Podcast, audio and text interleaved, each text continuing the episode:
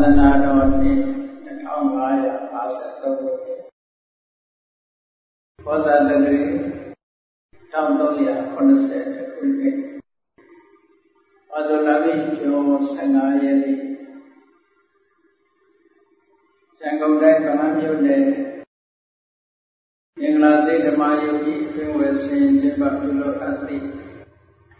ရာဝိယဓမ္မသဘင်အခမ်းအနားဝယ် မင်္ဂလာတောင်ကျွမြို့နယ်မင်္ဂလာစိတ်လက်ဖက်မိဘများနှင့်ဥဒေဆိုရိုအားယေရှု၏ဒေါ်လာခင်ကိုကျော်သိန်းစေဆိုင်မိသားစုတို့အမတဒါနဓမ္မဒါနဖြစ်ဖြစ်ဟောကြားအပ်သောပဋ္ဌာန်းမြတ်ဒေသနာတရားတော်ဒီကနေ့ည ဓမ္မသဘင်ခန္ဓာကိုရှင်ဘုန်းတော်သခင်ရှင်တော်မြတ်ဘုရား၏မဟာကရုဏာကိုအာယုပြုအပ်တိကျဖတ်ဆိုအပ်သောမန္တနာပနာမအာတိတခန္ဓာကိုယေရှုစတင်ရအောင်ယောကပကောတိဟိပိယပမေယံကာလံကရွန်တောတိတုကရာတိခေရံကတောလောကဟိတယနာထောနမောမ ဟာကရုဏိကတတတ္တာယောနာထောဝိနိယမြာစွာတတ္တဝါဤချမ်းသာစီးပွားလိုလားတောင်းတဂုံပေါင်းခါသည်ဖြင့်နာထမြညာခြင်းရှင်တော်မြတ်ဖရာသည်ကပ္ပကောတိဟိပိဂရေကဘာအရေးအတွက်သင်္ချာတို့ဖြင့်တော်လဲ အပယ်မေယရည်အတွက်တိုင်းတာဖော်ပြခြင်းငါမစွမ်းနိုင်ပါသောကာလလျာသိချေသိမ့်နေကဘာရှိကြသောကာလပတ်လုံးလောကဟိတယတတ္တလောကဤအကျိုးစီးပွားအလုံးငါအတိတကရာနိဩစာတဲ့ခြေလက်အင်္ဂါမေတ္တာကြီးမှသမိတာနှင့်တထာဇနီစွန်ញင်းကြီးဟု ကျက်တိထဝယ်50အစုအလုံးခဲရင်တော်မူလို့ကိုကရွန်တော်ဘုရားဖြစ်ရန်ဤတန်ကျိုးကိုအာထုတ်တော်မူရသည်ဖြစ်ဖြစ်ခေရမေချေမျက်လုံးအသက်ဆုံးတဲ့နှလုံးစိတ်ဝံကိုရောဤပြမញ្ញင်းတို့ကတောဘဝတဏ္ဍကျိန်ဖန်များစွာရောက်တော်မူခဲ့ရရှာလေးကြီး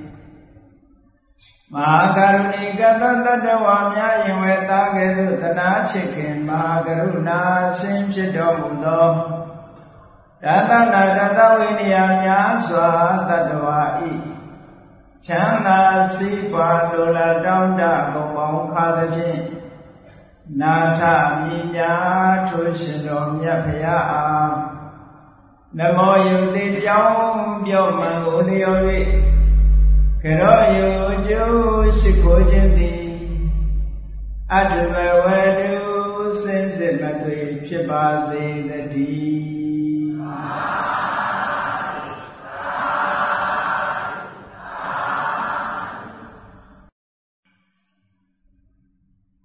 ပဋ္ဌာန်းမြတ်ဒေသနာ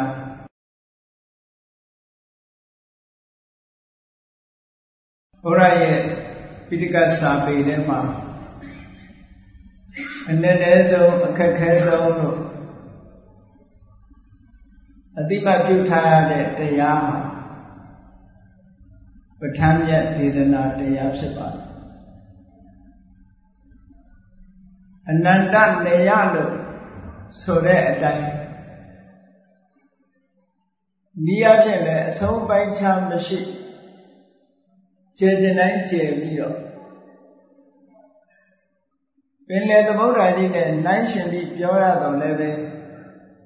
ပင်လေသမုဒ္ဒရာတဲ့တောင်ကျေတယ်လို့ပြောရမှာပါပင်လေသမုဒ္ဒရာကြီးဆိုတာအဆုံးအစရှိတယ်ပင်လေရဲ့ဟိုဘက်ကန်းဒီဘက်ကန်းဆိုတာရှိတယ်ပင်လယ်ရေပြင်ရဲ့အောက်ကျမ်းပြင်ဆိုတာလည်းရှိတယ်အဲ့တော့ပင်လယ်ကြီးဟာ အဆုံးမမြင်ရတော့အောင်ကျေပြောနေတာမှန်တော်လည်းပဲအဆုံးပိုင်းခြားရှိတယ်ပဋ္ဌာန်းတရားတော်ကြီးကြတော့အဲ့ဒီပင်လယ်ပြင်နဲ့ပင်လယ်ရေရှေထုကြီးတဲ့အမတန်ကြီးမားတော့အဆုံးအစမရှိတော့အောင်ဤမျိုးစုံနဲ့ချက်ကြနိုင်ချက်သဗ္ဗညုတရွှေဉဏ်တော်ကြီးနဲ့ဉာဏ်ကစားကြနိုင်ကစား ကိုမျိုးပြီးတော့ဆင်ញင်နှလုံးသွင်းလို့မဆုံးနိုင်မကုန်နိုင်တဲ့အမတန်နဲ့လက်နဲ့ကျယ်တဲ့ကျယ်လှတဲ့တရားဒေသနာတော်ကြီးဖြစ်ပါတယ်။ဒါကြောင့်မို့ပဋ္ဌာန်းဒေသနာတော်ကိုစာပေကျမ်းဂန်မှာအနန္တတရားအဆုံးမဲ့ဤစနစ်တွေပါဝင်တဲ့အဆုံးမဲ့ဤများရှိတဲ့ဒေသနာတော်လို့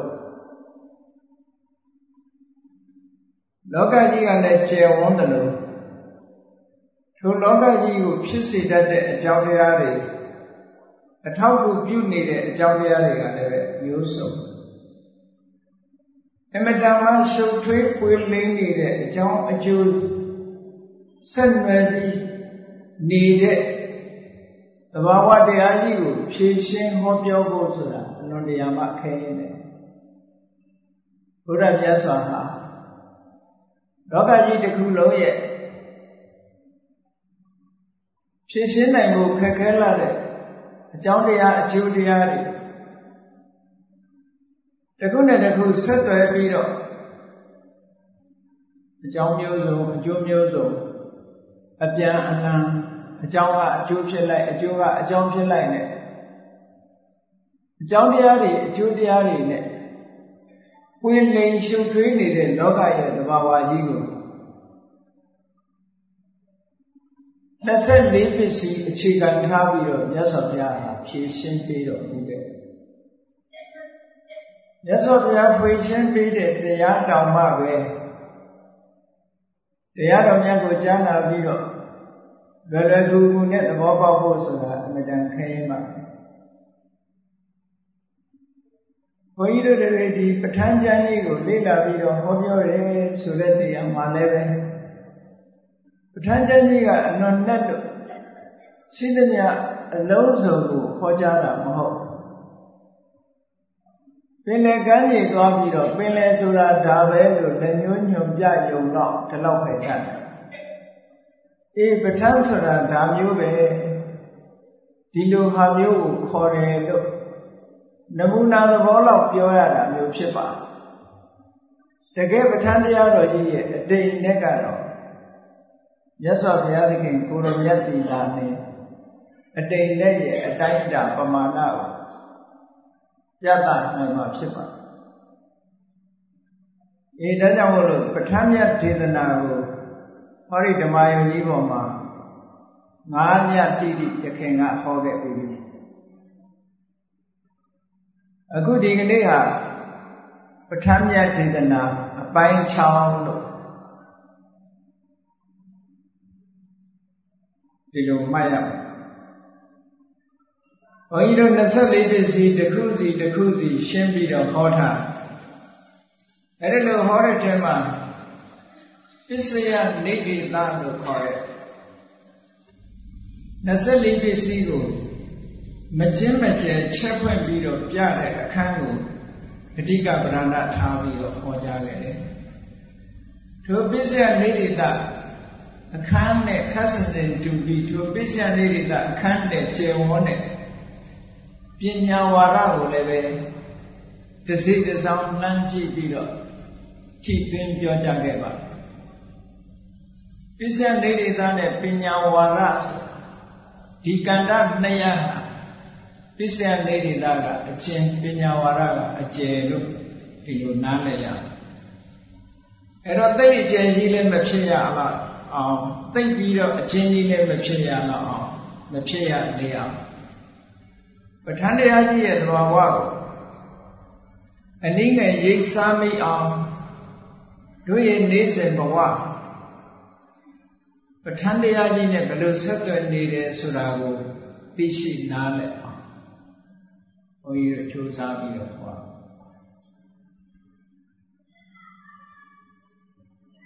ဟေတုပစ္စယောကနေစတင်ပြီးတော့ဟောခဲ့တာဥပနိဒယပစ္စယောတိအောင်ရှင်းလင်းဟောပြပြီးသားဖြစ်ပါတယ်အခုဒီကနေ့ညဥရိဇာတပစ္စယောဆိုတာကိုဟောပါမယ်မြန်မာနိုင်ငံမှာတော့ပ ဋ္ဌာန်းတရားတော့ပဋ္ဌာန်းတရားတော်နဲ့မြန်မာပြည်ကတရားဓမ္မလိုက်စားတဲ့လူလူတွေအမှန်တမ်းယဉ်နီးတယ်ပဋ္ဌာန်းတရားကြီးဟာအမှန်တမ်းခက်ခဲတယ်လေးနဲ့တယ်လို့ဆိုတော့ပဋ္ဌာန်းတရားကိုရွတ်ဖတ်ပူဇော်တဲ့ပုဂ္ဂိုလ်တွေလည်းပဲရှိကြတယ် အေးအတမဆဲပဋ္ဌာန်းပွဲတွေနဲ့ရွတ်ဖတ်ပူဇော်နေကြတာကိုလည်းကြားမှုကြတယ်တချို့ကလည်းအန္တရာယ်ကင်းဆိုပြီးတော့24ပစ္စည်းကိုရွတ်နေကြတာလည်းရှိမှာပေါ့နော်အဲ့ဒီထဲမှာဘုရားမြတ်စွာရဲ့ရည်ရွယ်ချက်အတိုင်းဟောဒီ24ပစ္စည်းဘုန်းကြီးတို့တဘဝတနေ့တာဘ ဝတနေ့တာမှာ24နာရီရှိ24နာရီလုံးလုံးဟာ24ပစ္စည်းနဲ့စခန်းသွားနေကြတယ်အဲ့ဒီ24ပစ္စည်းမိမိတို့ဘဝမှာဘယ်လိုဆက်သွယ်နေတယ်ဆိုတာကိုသိရှိနားလည်ဖို့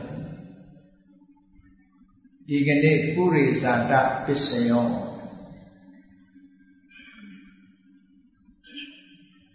စကလုံးရဲ့အတိတ်တွေကိုရှင်းဥစွာရှင်းရပုရိဇာတပုရိဆိုတာရှင်းဥစွာကြိုတင်ပြီးတော့ဆိုတဲ့အတိတ်တရားဇာတဆိုတာဖြစ်နေနေတဲ့ပစ္စယအကြောင်းတရားရှင်းဥစွာကြိုတင်ပြီးတော့ဖြစ်နေနေတဲ့အကြောင်းတရားလို့ အကြောင်းတရားတစ်ခုကအကျိုးတရားတစ်ခုအကြောင်းတရားကအကျိုးတရားကိုထုတ်လုပ်တဲ့အခါမှာအကြောင်းတရားကအကျိုးတရားတဲ့ကြိုတင်ဖြစ်နေနေတာရှိတယ်အကြောင်းတရားကအကျိုးတရားတဲ့နောက်မှဖြစ်တာရှိတယ်အကြောင်းတရားနဲ့အကျိုးတရားဟာဗျိုင်းတူဖြစ်နေတာရှိတယ်ဒါကြောင့်မလို့24ပြည့်စည်ရဲ့မှာ ဥရိဇာတဆိုတာရှိတယ်လို့ပစ္ဆာဇာတအကြောင်းတရားကအကျိုးတရားတဲ့နောက်မှဖြစ်လာဒါလည်းရှိသဟဇာတအကြောင်းတရားနဲ့အကျိုးတရားကဖြိုင်းပြီးဖြစ်လာတယ်ဆိုတာလည်းရှိအခုပုရိဇာတဆိုတာတော့ကျိုးတင်ဖြစ်နေနေတဲ့အကြောင်းတရားတဲ့ကျိုးတင်ဖြစ်နေနေတာတွေ ဘယ်မှာရှိတာတုံးဆိုဘုန်းကြီးတို့ခန္ဓာမှာပဲရှိဒါတွေဘုန်းကြီးတို့ခန္ဓာနဲ့ဘုန်းကြီးတို့ပတ်ဝန်းကျင်မှာရှိအဲ့လိုကျုပ်တင်ဖြစ်နေပြီးတော့အကျိုးတရားတွေကိုထောက်ကူပြုနေတယ်ဖြစ်ပေါ်စေတယ်အကြောင်းတရားဆိုဒီမှာ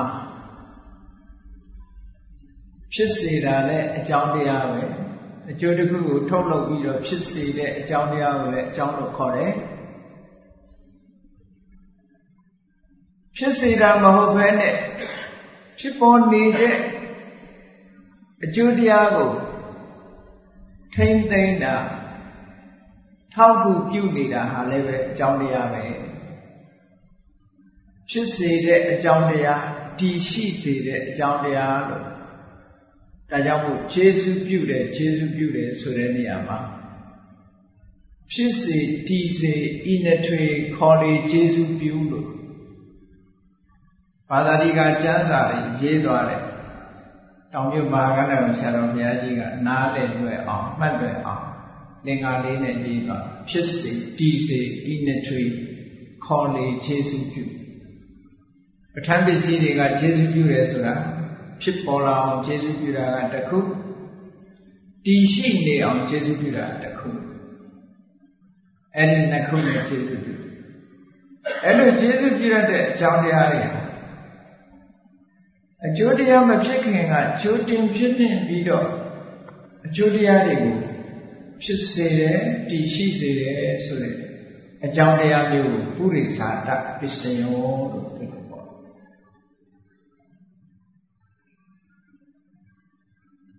ကဲဒါဖြင့်လူရဲ့ခန္ဓာကိုယ်နဲ့ပတ်ဝန်းကျင်ထဲမှာရှာကြည့်ရပုရိသတာကျွတ်တင်ဖြစ်နေပြီးတော့ကျေစုပြုနေတယ်ဆိုတာဘာတွေလဲစာလို့ပြောတော့ကိုယ်နဲ့အနှံဝေးနေတယ်လူတိုင်းလူတိုင်းမှာအယစကားနဲ့ပြောရအောင်မျက်စိရှိတယ်နားရှိတယ်နှာခေါင်းရှိတယ်လျှာရှိတယ်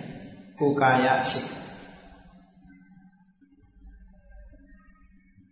မျက်စိကိုအမိပြုပြီးတော့မြင်သိစိတ်တွေဖြစ်တယ်နားကိုအမိပြုပြီးတော့ကြားသိစိတ်ဖြစ်ရတယ်နှာခေါင်းကိုအမိပြုပြီးတော့နာသိစိတ်ဖြစ်ရတယ်လျှာကိုအမိပြုပြီးတော့လျက်သိစိတ်ဖြစ်တယ်ကိုယ်ကာယကိုအမိပြုပြီးတော့ထိသိစိတ်ဖြစ်တယ်ဒါရီအချိန်ကြီးဖြစ်နေတာ တခုပဲဖြစ်တခုဖြစ်နေမှာပဲခုတရားနာနေတဲ့အချိန်လေးမှာပဲကြည်အောင်လေအတန်ကြားနေကြားသိစိတ်ဖြစ်နေတာ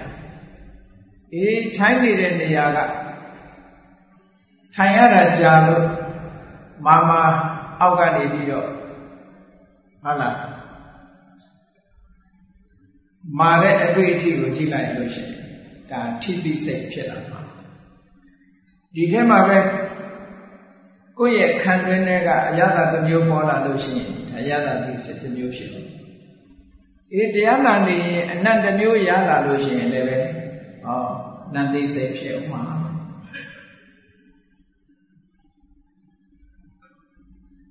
ကိုမျက်စိဖွင့်ထားလို့မြင်ရလို့လို့ရှိရင်လည်းမြင်သိစိတ်တွေဖြစ်နေတယ်တရားနာနေတုန်းကိုပဲဒီတဘာဝတရားတွေမိမိတဏ္ဍမှာဖြစ်နေရဲ့ဆိုတာအာရုံတတိထားမိကြတယ် ဒါတွေဖြစ်နေစာလို့ပြောမယ်ဆိုရင်မျက်စိဆိုတာစက္ခုပတာရယုတ်လို့ခေါ်တယ်အာယတနာနာမည်နဲ့ပြောလို့ရှိရင်စက္ခာယတနာစက္ခုအာယတနာ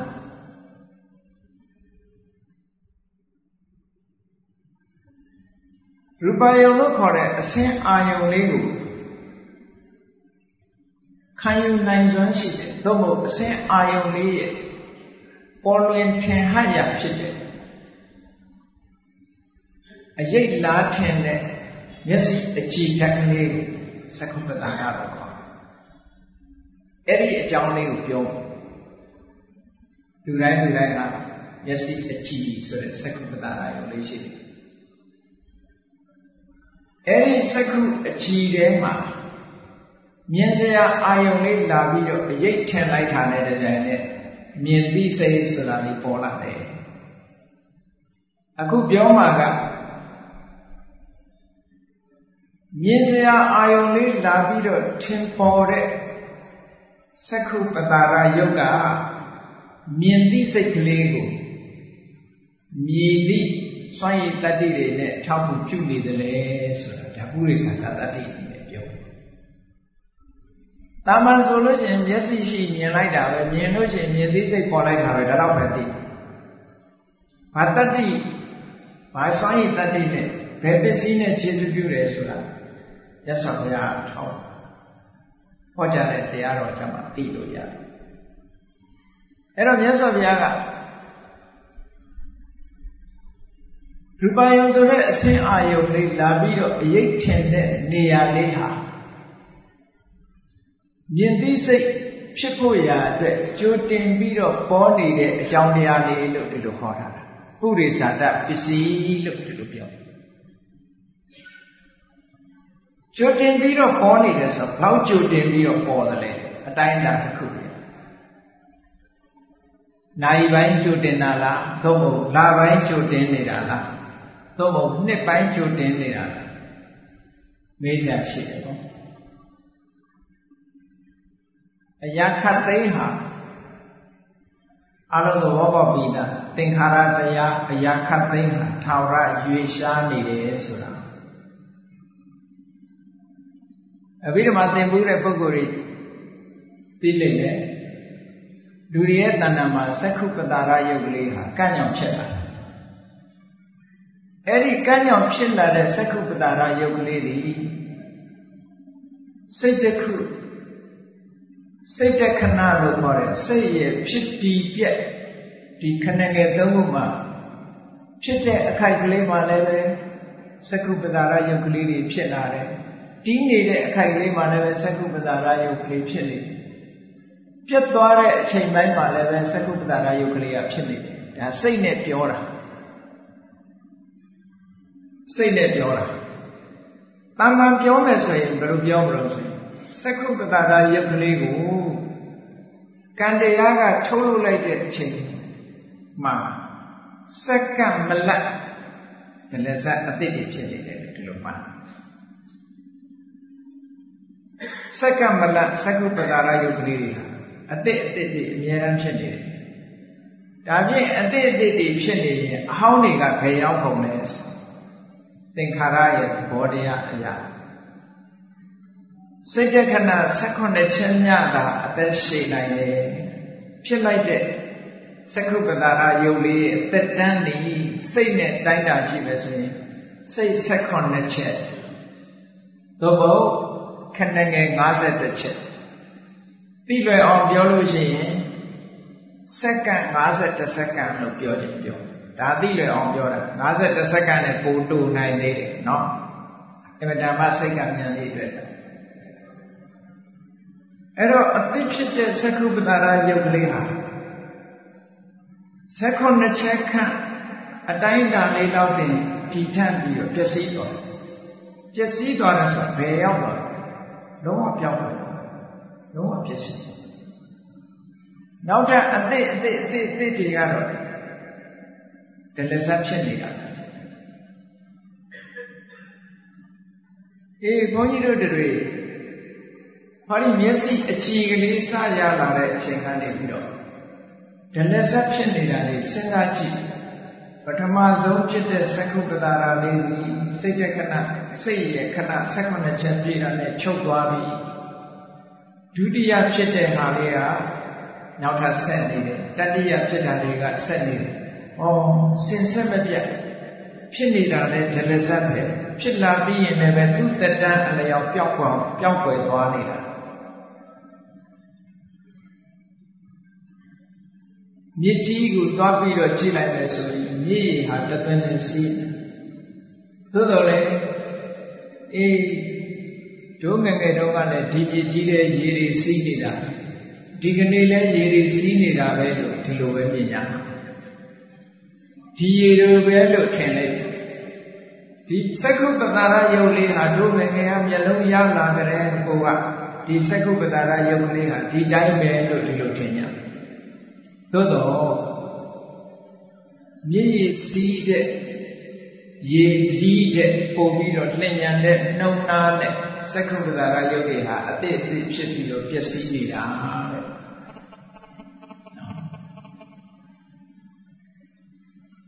ထာဝရပြောင်းလဲနေတာသို့တော့အလားတူတွေထပ်ပြီးတော့ဖြစ်နေသည့်အတွက်ကြောင့်လူတွေကတတိမထားနိုင်ဘူးတတိမဘူးမမြင်နိုင်ဘူးပေါ့ အေးအဲ့ဒီသက္ကုပ္ပတာရယုတ်ကလေးဟာဘယ်သက္ကုပ္ပတာရယုတ်ကမြင်သိစိတ်ကိုသက္ကုပ္ပတာရယုတ်ပေါင်းမြောင်များစွာရှိတယ်နော်စိတ်တခဏတစ်ချက်တိုင်းစိတ်တခဏချက်တိုင်းချက်တိုင်းခဏတိုင်းခဏတိုင်းမှာသက္ကုပ္ပတာရယုတ်တွေကအတိတ်အတိတ်အတိတ်အတိတ်ဖြစ်နေတာအဲ့ဒီအတိတ်အတိတ်ဖြစ်နေတဲ့သက္ကုပ္ပတာရယုတ်တွေဘယ်သက္ကုပ္ပတာရယုတ်ကမြင်သိစိတ်ကို ပုရိသတတ္တိနဲ့ခြေစုပြုနေတာလေဘယ်သက္ကုပ္ပတာရကိုပုရိသတတ္တိလို့ခေါ်မှလဲဆိုတော့မြင်သိစိတ်ဖြစ်တဲ့ဝိထိစိတ်ဆိုတာရှိတယ်မြင်သိစိတ်ဖြစ်တော့မယ်ဆိုလို့ရှိရင်ဆိုပါစို့ဘုန်းကြီးတို့ process တွေတစ်ခုဖြစ်စဉ်လေးတစ်ခုကိုစဉ်းစားကြည့်အောင် ဒီဖြစ်စဉ်ကစာပေကျမ်းကဘုဒ္ဓတအရာတာမန်နဲ့တော့မမြင်နိုင်ဘူးပေါ့စာပေကျမ်းကဘုဒ္ဓတအရာပြောရဖြစ်စဉ်လေးတစ်ခုရှိဖြစ်စဉ်ဆိုတာအဆမ်းမဟုတ်ဘူးဘယ်ဟာပဲဖြစ်ဖြစ်ဖြစ်စဉ်ရှိနော်မျိုးစိတ်လေးတစ်ခုမြေပေါ်မှာချဆိုင်လိုက်လို့ရှိရင်နှစ်ပတ်လောက်နေသုံးပတ်လောက်နေအညောင်းထွက်လာတယ်ဆိုတော့ဝုန်းတိုင်းထွက်လာတာမဟုတ်ဘူး ဒီကနေ့စိုက်လိုက်တဲ့မျိုးစေ့လေးဟာလက်ဖြင့်ကကြတော့အခြေအနေလေးနည်းနည်းပြောင်းတယ်ဟိုတပတ်ခါကြည့်လိုက်အခြေအနေပြောင်းတယ်တနေ့ပြီးတနေ့တနေ့ပြီးတနေ့ပြောင်းလာတာနှစ်ပတ်သုံးပတ်ကြာတဲ့အခါအညောင်ကလေးထွက်လာအဲ့ဒီအညောင်ကလေးကဝုန်းကနေပေါက်ထွက်လာတာမဟုတ်ဘူးအခြေအနေလေးတွေအဲ့ဒါ process လို့ခေါ်ဖြစ်စဉ်လေးတစ်ခုနဲ့သွားတယ်ထို့တူပဲမြင်သိစိတ်ကလေးဖြစ်တော့မယ်ဆိုရင်ဖြစ်စဉ်ကလေးတွေရှိတယ် ဆိုပါတော့မျက်စိလေးဖွင့်လိုက်လို့မြင်စရာအာရုံကခေါဏကမျက်စိအကြည့်လေးမှလာပြီးတော့ထင်ဟပ်တယ်အဲ့ဒီထင်ဟပ်လိုက်တဲ့ရူပါယုံလေးကိုထင်ဟပ်နေထင်ဟပ်ခြင်းစိတ်ကမမှတ်နိုင်သေးဘူးမမှတ်နိုင်သေးပဲ ရူပါယုံကိုစက္ခုပတာရနဲ့ရူပါယုံဆုံမိတဲ့အခိုက်ကလေးကနေမထင်မှတ်နိုင်မမှတ်နိုင်သေးဘူးဒီရူပါယုံကိုတတိပြုမိတဲ့စိတ်ကမပေါ်သေးဘူးငကောကဖြစ်နေတဲ့ဘဝင်စိတ်တွေကဖြစ်လိုက်တယ်အဲ့တော့အ ਨੇ ဆုံးအောက်ထစ်ဆုံးထင်ဟလိုက်တဲ့အချိန်မှာဖြတ်ကျော်သွားတဲ့ဘဝင်စိတ်တစ်ခုဖြစ်လာ အဲ့ဒီဘဝင်စိတ်လေးဟာဒီမျက်စိထဲမှာထင်လာတဲ့အာယုံနဲ့ဘာမှမသက်ဆိုင်သူ့အာယုံနဲ့သူပြေးနေတဲ့စိတ်ကလေးသို့သောမျက်စိနဲ့ရူပါယုံဆုံလိုက်တဲ့အခိုက်ကလေးမှာသူကမြင်တဲ့စိတ်ကလေးကမပေါ်နိုင်သေးဘူးမပေါ်နိုင်တော့လက်ရှိဘဝင်စိတ်တစ်ခုကဖြတ်ကျော်သွားတယ်တစ်ခုဖြတ်ကျော်သွားတယ်အဲ့ဒီဖြတ်ကျော်သွားတဲ့ဘဝင်လေးကိုအတိတ်ဘဝင် pass ဘဝင်ကတော့ဒီလိုအတိတ်ဘဝင်အဲ့ဒီနောက်နောက်ထပ်ဒုတိယဘဝင်စိတ်လေးတစ်ခုဖြစ်လာအဲ့ဒီဘဝင်စိတ်ကလေးဟာအာယုံအသစ်ကြောင့်လှုပ်ရှားရင်းရိုင်လာတဲ့သဘောရှိလို့သူ့ကိုဘဝင်ကသရဏလှုပ်ရှားတဲ့ဘဝင်လို့ခေါ်တယ်။နောက်တတိယဘဝင်စိတ်ကလေးကြတော့ပြတ်သွားတဲ့နောက်အသစ်ထိလာတဲ့အသစ် ထင်းလာတဲ့အာယုံရဲ့ဆွမ်းအားတိုက်ခတ်မှုဆွမ်းအားကြောင့်မူလကဖြစ်နေတဲ့ဘဝင်စိတ်ရဲ့အရင်ဟာပြတ်တောက်သွားတယ်။အဲ့ဒီပြတ်တောက်သွားတဲ့ဘဝင်စိတ်လေးကိုဘဝင်မှုပစ္စည်းတာလို့ခေါ်ကြည့်အ ਨੇ ဆုံးဘဝင်သုံးခုဖြတ်ကျော်ပြီးတော့မှဒီရူပါယုံလေးကိုထင်းလာတဲ့မျက်စိထဲမှာပေါ်လာတဲ့အဆင်းအာယုံလေးကိုသိတဲ့စိတ်တွေကလာတာအဲ့တော့ သူကဘယ်ချိန်မွေးဖွားလိုက်တာတော့ဆိုရူပါယုံလေးနဲ့စက္ကုပ္ပတာကဆုံလိုက်တယ်မျက်လုံးလေးနဲ့မြင်စရာအာယုံလေးဆုံလိုက်တယ်အဲ့ဒါစတင်မွေးဖွားခြင်းပဲအဲ့ဒီရူပါယုံလေးနဲ့ဒီမျက်စိအကြည်လေးနဲ့ဆုံလိုက်တဲ့အချိန်မှာအဲ့ဒီဆုံလိုက်တဲ့အချိန်မှာဖြစ်တဲ့မျက်စိအကြည်ယုံကလေးဟာပုရိသတာတတ္တိပဲမြင်သိစိတ်ရဲ့ပုရိသတာတတ္တိပဲ အကြောင်းတရားကြံတဲ့မြင်သိကြံတဲ့သက္ကုပ္ပတာရယုံဒီမျက်စိအကြည်လေးကိုမပြောလို့နောက်မှဖြစ်တာတွေလည်းမပြောဘူးသူ့တဲ့အရင်ဖြစ်နေတာတွေကိုလည်းမပြောဘူးအတိတဘဝင်ဆိုတဲ့စိတ်ကလေးနဲ့ဗျိုင်းလူဖြစ်လာတဲ့စက္ခုနဲ့ရူပယုံဆုံလိုက်လို့မျက်စိနဲ့အဆင်းအာယုံလေးဆုံလိုက်တဲ့အချိန်လေးမှာစက္ခုပတာရယုတ်ကလေးဖြစ်လာတဲ့စက္ခုပတာရယုတ်ကလေးအဲ့ဒီစက္ခုပတာရယုတ်ကလေးဒီ ကြည့်သူကစိတ်ဘယ်နှခုလောက်စောတော့ဆိုရင်အတိတဘဝင်ဆိုတာတစ်ခုဘဝင်ကဆလနာလှုပ်ရှားတဲ့ဘဝင်ဆိုတာတစ်ခုပြတ်တောက်သွားတဲ့ဘဝင်ဘဝင်ဥပ္ပစ္စေနာဆိုတာတစ်ခုအဲ့ဒီနောက်မှာထင်ဟပ်လာတဲ့ရူပယုံလေးကိုဆင်ကျင်တဲ့အပစ္စတော်တော်ဝိသန်းစိတ်ဆိုတာပေါ်တယ်အ ਨੇ ဆုံး ဟောဒီ၄ခုလောက်ပေါ်ပြီးတော့မှစက္ခုဝိညာဉ်ဆိုတဲ့မြင်သိစိတ်ကလေးရလာတာဒါ process လို့ခေါ်တယ်လူတွေကတတိထားမိတာအဲ့ဒီချိန်မြင်လိုက်ပြီဆိုရင်ဒါတောင်မှပဲတကယ်စိတ်အာယုံနဲ့သိတာမဟုတ်သေးဘူးမြင်သိစိတ်ကလေးပေါ်တာအဲ့ဒီချိန်မှာပေါ်လိုက်တယ်ဒါဖြင့်မြင်သိစိတ်ကလေးတဲ့သူကဘလောက်စောတော့စက္ခုပတာကယုံပြီးဘလောက်စောတော့ဆိုတော့ အတ္တဘဝင်ဘဝင်ကဆလနာဝိမှုပစ္စေတာပစ္ဆဒရဝဇာဆိုစိတ်တက္ကနာ၄ချက်စောတယ်အဲ့ဒါကိုပြောတာဥရိသာတရှင်းဥစွာဖြစ်နေတဲ့စက္ခုပတာရယုတ်ကလေးသည်စက္ခုဝိညာဉ်စိတ်ကိုကျေစုပြုပါတယ်အဲ့တော့ဒီဟာကိုသဘောပေါက်ဖို့ရတဲ့ကအဘိဓမ္မထသင်္ဃဝီထိပိုင်းကိုနားလည်ရ ဝီထိပိုင်းမှာစိတ်ဖြစ်စဉ်တစ်ခုကိုနားလည်အောင်ချင်းညွတ်ပြောမယ်ဆိုရင်ဟောပါဠိလိုပြောရတဲ့အခါကျတော့ပါဠိနဲ့မရင်းနှီးတဲ့ပုဂ္ဂိုလ်တွေမှာအခက်အခဲတွေ့အောင်တွေ့လို့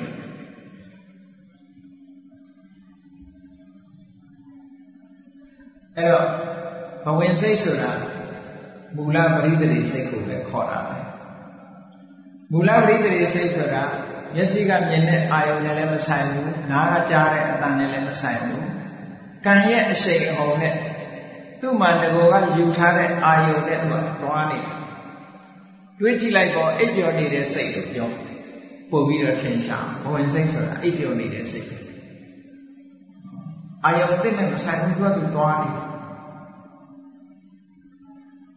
အဲ့ဒီသူ့ဘာသူသွားနေတဲ့စိတ်ကလေးဟာအာယုံအသိဝင်လာလို့ရှိရင်ပြတ်သွားပြတ်တော့သွားပြတ်တော့သွားပြီးအာယုံအသိနဲ့အလုံးလုံးတဲ့စိတ်တွေပေါ်လာဒီသဘောလေးကိုမှတ်ထား အဲ့တော့ရူပယုံနဲ့မျက်စိကမြင်စရာအာယုံနဲ့မျက်စိအကြည့်စိတ်ကလေးသွားဆုံနိုင်တဲ့အခါမှာ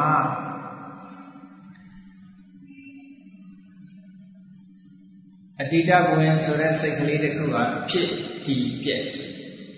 ခဏငယ်သုံးရက်နဲ့ပြတ်သွားတယ်။သူပြတ်သွားတာနဲ့တပြိုင်နက်နောက်ထပ်ဘဝင်ကဆလနာဆိုတဲ့ခွင်စိတ်တစ်ခုထပ်ပေါ်လာ။သူလည်းသုံးရက်နဲ့ပြတ်သွားတယ်။နောက်ထပ်ဘဝင်ကုပစ္စေတာဆိုတဲ့ ဘဝင်စိတ်တတိယဘဝင်စိတ်ပေါ်လာတယ်။သူလည်းပြတ်သွားတယ်။အဲ့ဒီဘဝင်စိတ်သုံးခုတည်ထင်ဟပ်လာတဲ့အာယုန်နဲ့ဘာမှမသက်ဆိုင်ဘူးသိလည်းမသိဘူးသူတို့ကဒီအာယုန်ကိုသူတို့တတိမမီဆိုလိုတာအိပ်ပျော်နေသေးတယ်စပြီးတော့လုံးလာတာဘယ်ကြမှာလုံးလို့တင်ဆသွားတာဝိဇံမျက်စိကထင်းလာတဲ့အာယုံကိုဆင်ခြင်တဲ့စိတ်ဆိုအဲ့ဒီစိတ်ပေါ်လာတယ် attending consciousness အာယုံအသိကို attend လုပ် tension လုပ်တာအဲ့စိတ်ပေါ်လာအဲ့ဒီစိတ်ပေါ်ပြီးတဲ့နောက်မှာဘာပေါ်တော့စက္ခုဝိညာဉ်စိတ်မြင်ပြီးစိတ်ဆိုတာပေါ်လာတယ်မြင်သိစိတ်ပေါ်လာပြီးရင်ဘာပေါ်လာတော့ဆိုတမ္ပတိဆိုင်ဆိုတဲ့အဲ့ဒီအာယုံကိုလက်ခံလိုက်တဲ့စိတ်ပေါ်တယ်လက်ခံတဲ့စိတ်ပေါ်ပြီးရင်ဘာလဲဆိုတာကိုစုံစမ်းတဲ့တန်တိရဏစိတ်ပေါ်လာ တန်တိရဏစိတ်ပေါ်ပြီးတဲ့အခါကျတော့ဘာပေါ်တော့ဆိုအာယုံရဲ့သဘာဝအကောင်းဆိုရင်အကောင်းဆိုးဆိုရင်ဆုံးဆုံးဖြတ်ချက်ချတဲ့ဝုထောဆိုတဲ့စိတ်ပေါ်လာဘုထောဆိုတာတခြားစိတ်မဟုတ်ဘူးမတော်လာတာပစ္စည်းသူလည်း attention နဲ့အဲ့ဒီစိတ်လေးပေါ်လာပြီးတဲ့နောက်မှာသူကဇောကိုအခြေအနေတစ်ခုပေးလိုက်အဲ့ဒီနောက်မှာ အရှိန်အဟုန်နဲ့ဖြစ်တဲ့စိတ်ဇောစိတ်လို့ခေါ်တယ်ဇောစိတ်ကရိုးရအားဖြင့်မှာ6 9ကြိမ်ပေါ်လာဇောစိတ်ဟာဒီအာယုံနဲ့အလုံးလုံးတဲ့စိတ်အာယုံရဲ့အရသာတွေ့ကြုံရတဲ့စိတ်ကုသိုလ်ဖြစ်ခြင်းလည်းဖြစ်မယ်အကုသိုလ်ဖြစ်ခြင်းလည်းဖြစ်မယ်ဘုံထောစိတ်ရဲ့ဥဒိချက်အတိုင်းပဲကုသိုလ်ဖြစ်ခြင်းဖြစ်သွားတယ်အကုသိုလ်ဖြစ်ခြင်းဖြစ်သွားမြင်တဲ့အာရုံလေးပါဇောစိတ်ခေါ်လို့ဖြစ်တယ် ဇောစိတ်ပြီးတဲ့အခါကျတော့အရှိန်အဟုန်နောက်နောက်ကနေလိုက်ပါသွားတဲ့ဘဝင်စိတ်နှစ်ခုပိဋ္ဌိဘဝင်ကလို့ခေါ်တယ်အဲ့ဒီဘဝင်စိတ်ကိုတော့နာမည်အသစ်ပေးထားတယ်တရားယုံတဲ့တကယ်ကတော့ဘဝင်စိတ်ပဲကျိုးစိတ်အဲ့ဒီတရားယုံစိတ်နှစ်ခုဖြစ်လိုက်တဲ့အခါကျတော့ခုနကရူပါယုံလေးရဲ့တက်တန်းမှာမျက်စိထဲမှာထင်းလာတဲ့အာယုံလေးရဲ့တက်တန်းမှာစိတ်တက္ကနာ16ချက်ပဲရှိတယ် ဒီတဲ့ရှေ့ဆက်သွားလို့မရဘူးသူ့တက်တန်းစီးသွားပြီအဲ့ဒီမှာချုပ်တယ်အော်စိတ်16ချက်မှာမျက်စိထဲမှာပေါ်လာတယ်ဓမ္မချိန်ပေါ်လာတယ်ထင်ဟပ်ပေါ်လွင်လာတဲ့ရူပါယုံလေးတက်တန်းဟာအတိတဘဝင်ပထမနဲ့ဥပပထအတိတဘဝင်ဥပခဏမှာဖြစ်ပေါ်လာတဲ့ဖြစ်စမှာဥပလာတဲ့ဒီရူပယုံလေးဟာဒုတိယတရားယုံစိတ်ရဲ့ချုပ်တဲ့အခါ ဘင်္ဂခဏမှာပြန်လို့ချုပ်ပါဒါစိတ်ဖြစ်စဉ်လေးတစ်ခုနားလဲအခုပြောမဲ့ပုရိသတာပစ္စည်းဆိုတာတခြားဟာကိုမပြောဘူးရူပယုံလေးကအစင်းအာယုံလေးကမျက်စိထဲမှာထင်ဟပ်လာတယ်အဲ့ဒီထင်ဟပ်လာတဲ့မျက်စိအကြည်ယုံလေးအကြောင်းပြော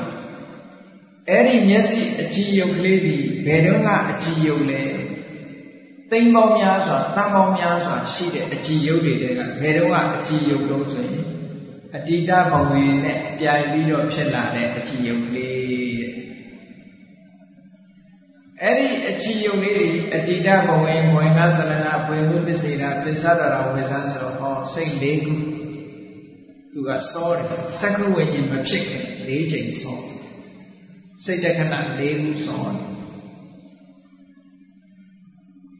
အဲ့ဒီစက္ခုပတာရယုတ်လေးကိုမှီပြီးဒီမျက်စိအကြည်လေးကိုမှီပြီးတော့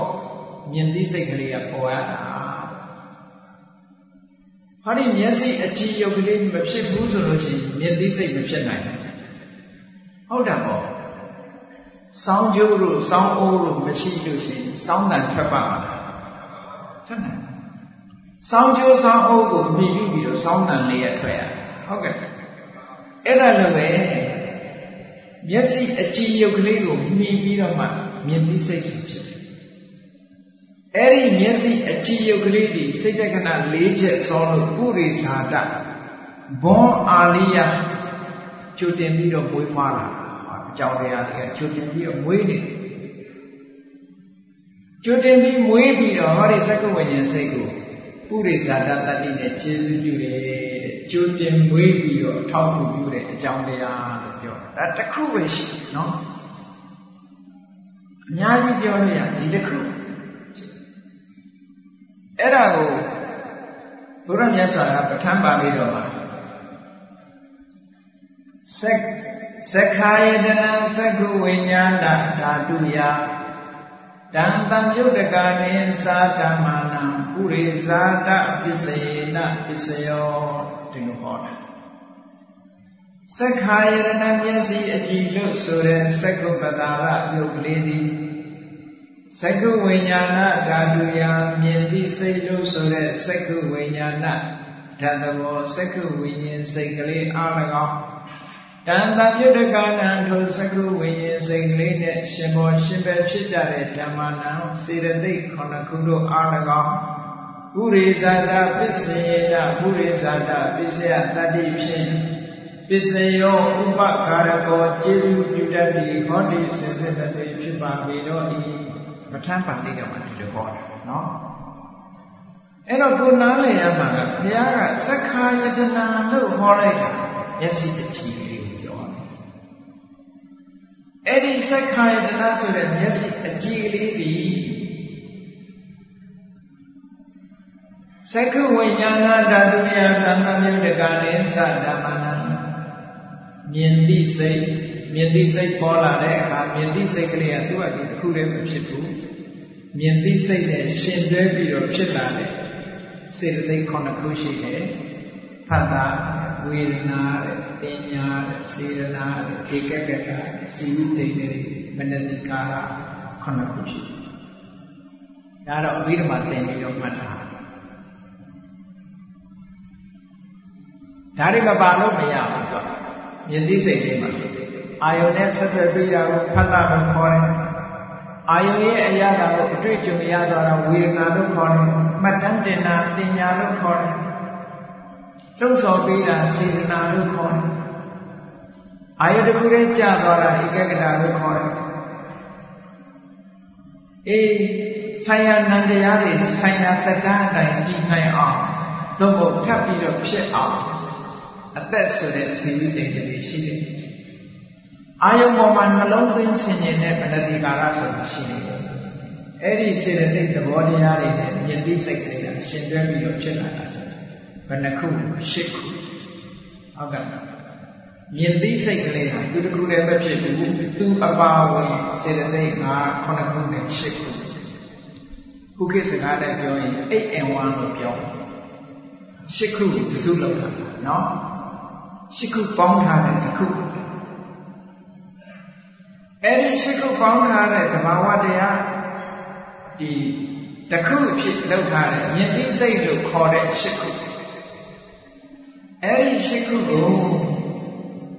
မျက်စိအကြည်လို့ဆိုတဲ့သက္ကုပ္ပတာရယုတ်ကလေးကပုရိသဇာတတိနဲ့ခြေစွပြုတာပါဒါတွေကလူတိုင်းလူတိုင်းမှာအတွေ့အကြုံရှိတာ သို့တော့ဒီလိုသိလာဆိုဘုရားဟောမှသိရတာမသိဘူးအေးငါမြင်တယ်ပဲပြောကြမှာပဲတွေ့တယ်ငါမြင်မျက်စိကငါမြင်တယ်အသေးစိတ်ဘယ်လိုမှမသိဘူးကြည့်မြတ်စွာဘုရားအသေးစိတ်ခေါ်တယ်ဒါပုရိသဇာတတိမျက်စိအကြည့်လေးကမျက်စိစိတ်လေးကိုပုရိသဇာတတိတဲ့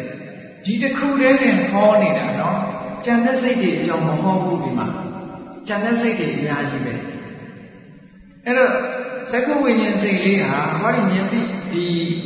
သက္ကဝိညာဉ်စိတ်လေးမြင်သိစိတ်ကလေးဟာဟောဒီမျက်စိအကြည်လို့ဆိုတဲ့သက္ကုပ္ပတာကသက္ကုဝတ္ထုယုတ်ကလေးကိုမှီပြုပြီးတော့သူကဖြစ်ရတာဒါကြောင့်မို့လို့မြင်သိစိတ်ကလေးသက္ကဝိညာဉ်စိတ်လေးရဲ့မှီယာဖြစ်တဲ့မျက်စိအကြည်သက္ကုပ္ပတာကယုတ်ကလေးကိုဥရိဇာတပစ္စည်းတဲ့ကြိုတင်ပြီးတော့ဖြစ်နေပြီးခြေစွပြုတာပါ ဒါကိုပြောတာတကယ်ကသူကထုတ်လုပ်တာလားလို့ဆိုထုတ်လုပ်တာတော့မဟုတ်ဘူးသူကထုတ်လုပ်တာမဟုတ်ဘူးသို့တော့သူ့ပေါ်မှာမြင်ပြီးတော့ဖြစ်တယ်တခြားအကြောင်းတွေရှိတယ်ဥပမာမယ်ဆိုတော့စီကိုတီးလိုက်တဲ့အခါမှာစီတန်ထွက်လာနော်စီတန်ထွက်လာစီတန်ကဘယ်ကထွက်လာတော့ စီတီးတဲ့လက်ကထွက်တာလားတော့မဟုတ်စီမျက်နှာပြင်ကထွက်တာလားတော့မဟုတ်တီးတဲ့လူကလူစီကထွက်တာလားမေးရင်ဘယ်လိုပြောစီမျက်နှာပြင်ကထွက်တာဟုတ်ကဲ့စီတီးတဲ့လက်ကထွက်တာလည်းမဟုတ်ဘူးအေးထုတ်ထုတ်ပဲဟောဒီသက္ကုပ္ပတာကအကြည်ယုတ်ကလေးရဲ့ အစင်းအာယုံနဲ့အဲ့ဒီနှစ်ခုတိုက်လိုက်တဲ့အခါမှာဟောဒီမြင်သိစိတ်လေးကဘယ်ကနေထပြီးတော့ပေါ်လာတော့မျက်စိအကြည်ကလေးကနေထပေါ်လာတိုက်တာဘယ်သူကတိုက်တာတော့ဆိုမြင်စရာအစင်းအာယုံနဲ့တိုက်အစင်းအာယုံလေးကဘာနဲ့တူလို့ဆိုရင်စီတီးတဲ့လက်နဲ့တူတယ်တော့မဟုတ်စီတီးတဲ့ဒုတ်နဲ့တူတယ်ပေါ့သူကတီးလိုက်လို့ဟိုကထပေါ် အဲ့တော့အခုပြောနေတာကသက္ကဝိညာဉ်စိတ်လေးဖြစ်ပေါ်တဲ့နေရာကိုပြောတယ်သက္ကဝိညာဉ်စိတ်ကလေးဒီမြင်သိစိတ်ကလေးဟာဘယ်အာယုံကတိုက်ခိုက်လို့ပေါ်တယ်ဆိုတာမပြောသေးဘူးเนาะဒီတချမ်းလေးကိုပြောနေအေးသက္ခာယတနာသက္ကဝိညာဏဓာတုယ တံတံယုတ်တကမေသဓမ္မနာပုရိဇာတပစ္စေနပစ္စယောသက္ကုပတာရလို့ဆိုတဲ့အကြည်ယုံလေးသည်မြင်သည့်စိတ်နဲ့ရှင်ဘက်တရားတွေကိုပုရိဇာတတတိဖြင့်ခြေစွပြုပါလေခြေစွပြုတဲ့ဆိုတာအကယ်၍သာမျက်စိအကြည်ကလေးပြတ်သွားမယ်ဆိုရင်မြင်သိစိတ်ဖြစ်နိုင်ပါ့မလားဖြစ်နိုင်တော့သူမရှိရင် သူလည်းမရှိနိုင်သူရှိမှသူရှိဟုတ်ကဲ့အကြောင်းနဲ့အကျိုးဆိုတာသူရှိနေလို့သူရှိတာပရိစ္ဆေသမုပ္ပါမှာမြတ်စွာဘုရားရှင်းအဲ့ဒါလိုဟောဣမတမိတ်တတိဣဒံဟောဒီဒါရှိလို့ဒါရှိဒါမရှိရင်ဟိုဟာမရှိနိုင်ဘူးတဲ့ဒီမှာလည်းမျက်စိအကြည်ကလေးရှိနေတဲ့အတွက်ကြောင့်မြင်သိစိတ်ဖြစ်တာမြင်သိစိတ်ပေါ်လာနိုင်တာ အဲ့ဒီမျက်စိအကြည်လေးတွေမြင်သိစိတ်ကိုဥရိသနာတတိနဲ့ခြေစွပြုပါလေဟောပဋ္ဌာန်းရွတ်တဲ့အခါမှာအဲ့ဒါလေးကိုအာယုံပြုပြီးတော့ဖြစ်ဒါဥရိသနာတတိဒါလူရဲ့မြင်တဲ့အခန်းကဏ္ဍကုံလားဆိုမကုံတော့ပွိုင်ကလေးတစ်ခုတွေပြောတာနော်အချက်ကလေးတစ်ခုတည်းနဲ့ပြောတယ်ဥရိသနာပစ္စည်းအချက်ကလေးတစ်ခုကဲနောက်တစ်ခုပြောင်းပြီးတော့ကြည့်ကြအောင် ဒါနားလည်လို့ရှိရင်နောက်ဟာလေးနားလည်လို့လွယ်သွားတယ်နောက်ဟာကျတော့နားမျက်စိပြီးတော့နားသွားတယ်နားမှလည်းပဲနားအကြည်ယုံသောတပတာရယုတ်ရှိသောတာပတ္တာရနာအချီတက်သောတာပတ္တာရယုတ်ကိုမှီပြုပြီးတော့အတန်ကိုသိတဲ့သောတာဝိညာဉ်စိတ်ကြာသိစိတ်ကလေးပေါ်လာတယ် အဲသောတာပတ္တာရယုတ်ဆိုတာလေခုနလိုပဲအတ္တဘဝင်နဲ့ပြိုင်ပြီးတော့ဖြစ်လာတဲ့သောတာပတ္တာရယုတ်ကိုယူရမယ်ဘောအာလေးရကျွတ်တင်ပြီးတော့ဖြစ်တာသောတာပတ္တာရယုတ်ပေါင်းတန်ပေါင်းများစွာရှိတဲ့ထဲမှာအပန်နဲ့နားနဲ့ဆုံလိုက်တဲ့အချိန်ကလေးမှာပထမဘဝင်စိတ်ဖြစ်လာတယ်အတ္တဘဝင်စိတ်အဲ့ဒီအချိန်လေးမှာဖြစ်တဲ့ yes နားအချီရုပ်ကလေးကိုယူခုနအတိုင်းပဲမှတ် ဟောနားအချီရုပ်လေးကိုအဲ့ဒီနားအချီရုပ်ကလေးဒီကြာတိစိတ်တဲ့စိတ်တဲ့ခဏ၄ချက်လောက်စောတယ်ဟုတ်လားကြာတိစိတ်တဲ့ကျွတ်တင်ပြီးတော့မွေးဖွားထားတယ်လို့ပြောတာဒါပြောတာနော်ပုရိသတကျွတ်တင်ပြီးတော့ဖြစ်နေနေတယ်ဘယ်တော့မှဖြစ်တော့ပထမအတ္တဘဝင်စိတ်ဖြစ်တော့မှဖြစ်တယ်အတ္တဘဝင်ပြီးရင်ဘဝင်ကသလနာဘဝင်ကသလနာပြီးရင် ဘဝင်ကုပစ္စေတာဘဝင်ကုပစ္စေတာပြီးလို့ရှိရင်ပစ္စဒရဝိဇ္ဇံပစ္စဒရဝိဇ္ဇံပြီးမှသောတာဝိညာဉ်စိတ်ဆိုတာဖြစ်တာစိတ်တက္ကနာ၄ချက်စောပြီးတော့ဖြစ်တာအဲ့ဒါကိုပုရိသတာလို့ပြောတာနော်ကြိုးပြီးဖြစ်တယ်အဲ့ဒါကိုမြတ်စွာဘုရားက သတ္တာယတနံသောတာယတနံသောတာဝိညာဏဓာတုယဓမ္မမြုတကနိသဓမ္မနံပုရိသတပစ္စေနပစ္စယောသောတာယတနံနာအကြည်လို့ဆိုတဲ့သောတာပတ္တာရယုတ်ကလေးဟာအာယတနာနာမည်နဲ့ဟောထားတာမြတ်စွာဘုရားအာယတနာဆိုတာ base တိယမိယဆိုတဲ့နာဆိုတဲ့အတိုင်းမိယတိယလေး သောတာယရဏသောတာပတ္တာရယုတ်လို့ဆိုတဲ့သောတာဝုထုယုတ်ကလေးသည်သောတာဝိညာဏဓာတုယသောတာဝိညာဏဓာတ်လို့ခေါ်တဲ့ဇာတိစိတ်ကလေးအား၎င်းတန်တမြုတကဏံဓမ္မနံထိုဇာတိစိတ်နှင့်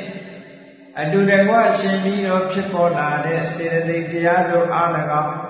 ပုရိဇာတပစ္စေနာပုရိဇာတပစ္စယတတိဖြင့်ပစ္စယောဥပကရကောခြေစုပြုတတ်သည်ဟောတိစင်စစ်မသေးဖြစ်ပါပေတော့၏ကြည်ဟောဒီနာအကြည်ဆိုတာလေးမရှိဘူးဆိုလို့ရှိရင်ဇာတိစိတ်ဖြစ်နိုင်မှာဖြစ်နိုင်နာအကြည်လေးဟာဇာတိစိတ်ရဲ့မိယာအနေနဲ့ရှေးဥစွာဖြစ်နေပြီးတော့ခြေစုပြုပါမယ် ကျေးဇူးပြုတယ်ဆိုတဲ့ဟာဖြစ်စီတာလည်းမဟုတ်ဘူးနော်ကျေးဇူးပြုတယ်ဆိုတဲ့သဘောကတစ်ခုနဲ့တစ်ခုဆက်သွယ်ပြီးတော့ဖြစ်နေတာကိုပြောတာနော်ဆက်သွယ်ပြီးတော့ဖြစ်နေတယ်အေးအဲ့ဒီတိုင်းပဲနောက်တစ်ခုဆက်ပြီးတော့စဉ်းစားကြည့်ရသော်ဘုရားကဒီချက်ကလေးပဲဟောတာသကုသောတာပြီးတော့ခန္ဓာနှာခေါင်းထဲကအကြည့်ရုပ်ကလေး ခန္ဓာယတနံခန္ဓာဝိညာဏဓာတုယတံသမြုတကနိသဓမ္မနံပုရိသတပစ္စေနပစ္စယောခန္ဓာယတနာလို့ဆိုတဲ့နှာခေါင်းအကြည်ယုတ်လေးအနံ့ကိုဖမ်းနိုင်တဲ့နေရာခန္ဓာပတ္တာရယုတ်ကလေးအဲ့ဒီခန္ဓာပတ္တာရယုတ်ကလေးဟာသက္ကုပတ္တာရလိုပဲနားလည်ရမယ်နန္တိစိတ်ကိုခြေစွပြုတယ် နန္တိစိတ်ကလေးကခန္ဓာပတာရယုတ်ကိုမှီပြီးတော့မှဖြစ်နိုင်ကျွတ်တင်ပြီးတော့ဖြစ်နေတာဖြစ်တော့ကြောင့်ပုရိသတာဖြန်းပြဖြစ်တာမဟုတ်ဘူးကျွတ်တင်ပြီးတော့ဖြစ်နေတာကိုယ်နှာခေါင်းထဲမှာအနံ့လေးရှူပြီးတဲ့အချိန်လေးမှာဒါလေးကိုတတိထားလိုက်ပေါ့။အော်နန္တိစိတ်ကလေးဘယ်သူကခြေစွပြုလို့ဆိုရင်ခန္ဓာပတာရဆိုတာနှာခေါင်းအကြည်ယုံလေးကခြေစွပြုတယ်ပြောတာနော်။ အကြည်ဆိုတဲ့သဘောကမှန်လို့ကြည်လို့ကြည်ခေါ်တာမဟုတ်ဘူးအာယုံကိုခံယူနိုင်စွမ်းရှိတာပြောအကြည်အာယုံကိုခံယူနိုင်တဲ့သဘောတွေကိုပြောပြကြည့်လိုက်တာခုခေတ်လို့ဆိုစဉ်းစားကြည့်ပေါ့တယ်လီဖုန်းတို့နော်တယ်လီဗီရှင်းတို့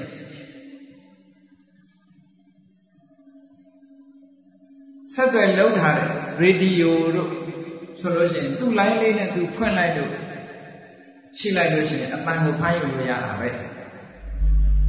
တယ်လီဖုန်းကလည်းအဝေးကပြောတဲ့အပန်းတွေဖမ်းယူလို့ရတာတယ်လီဗီရှင်းကလည်းအဝေးကရုပ်တွေဖမ်းယူလို့ရတာအဲ့ဒါလိုပဲနှာခေါင်းထဲမှာရှိတဲ့အကြည့်ရုပ်ကလေးကအနံ့ကိုဖမ်းနိုင်တခြားနေရာကတော့ဖမ်းမယူနိုင်ဘူးလေလေဒီယိုဆိုလဲလေဒီယိုအခွန်ကြီးကဖမ်းနိုင်တာမှမဟုတ်တာဖမ်းနိုင်တဲ့နေရာတနေရာပဲရှိတာပဲ တယ်လီဖုန်းဆိုလဲတယ်လီဖုန်းတွေကသူ့အတူတန်လိုက်တတ်တူဘာလို့လောက်ထားတဲ့ဟာကဖမ်းယူနိုင်တာကို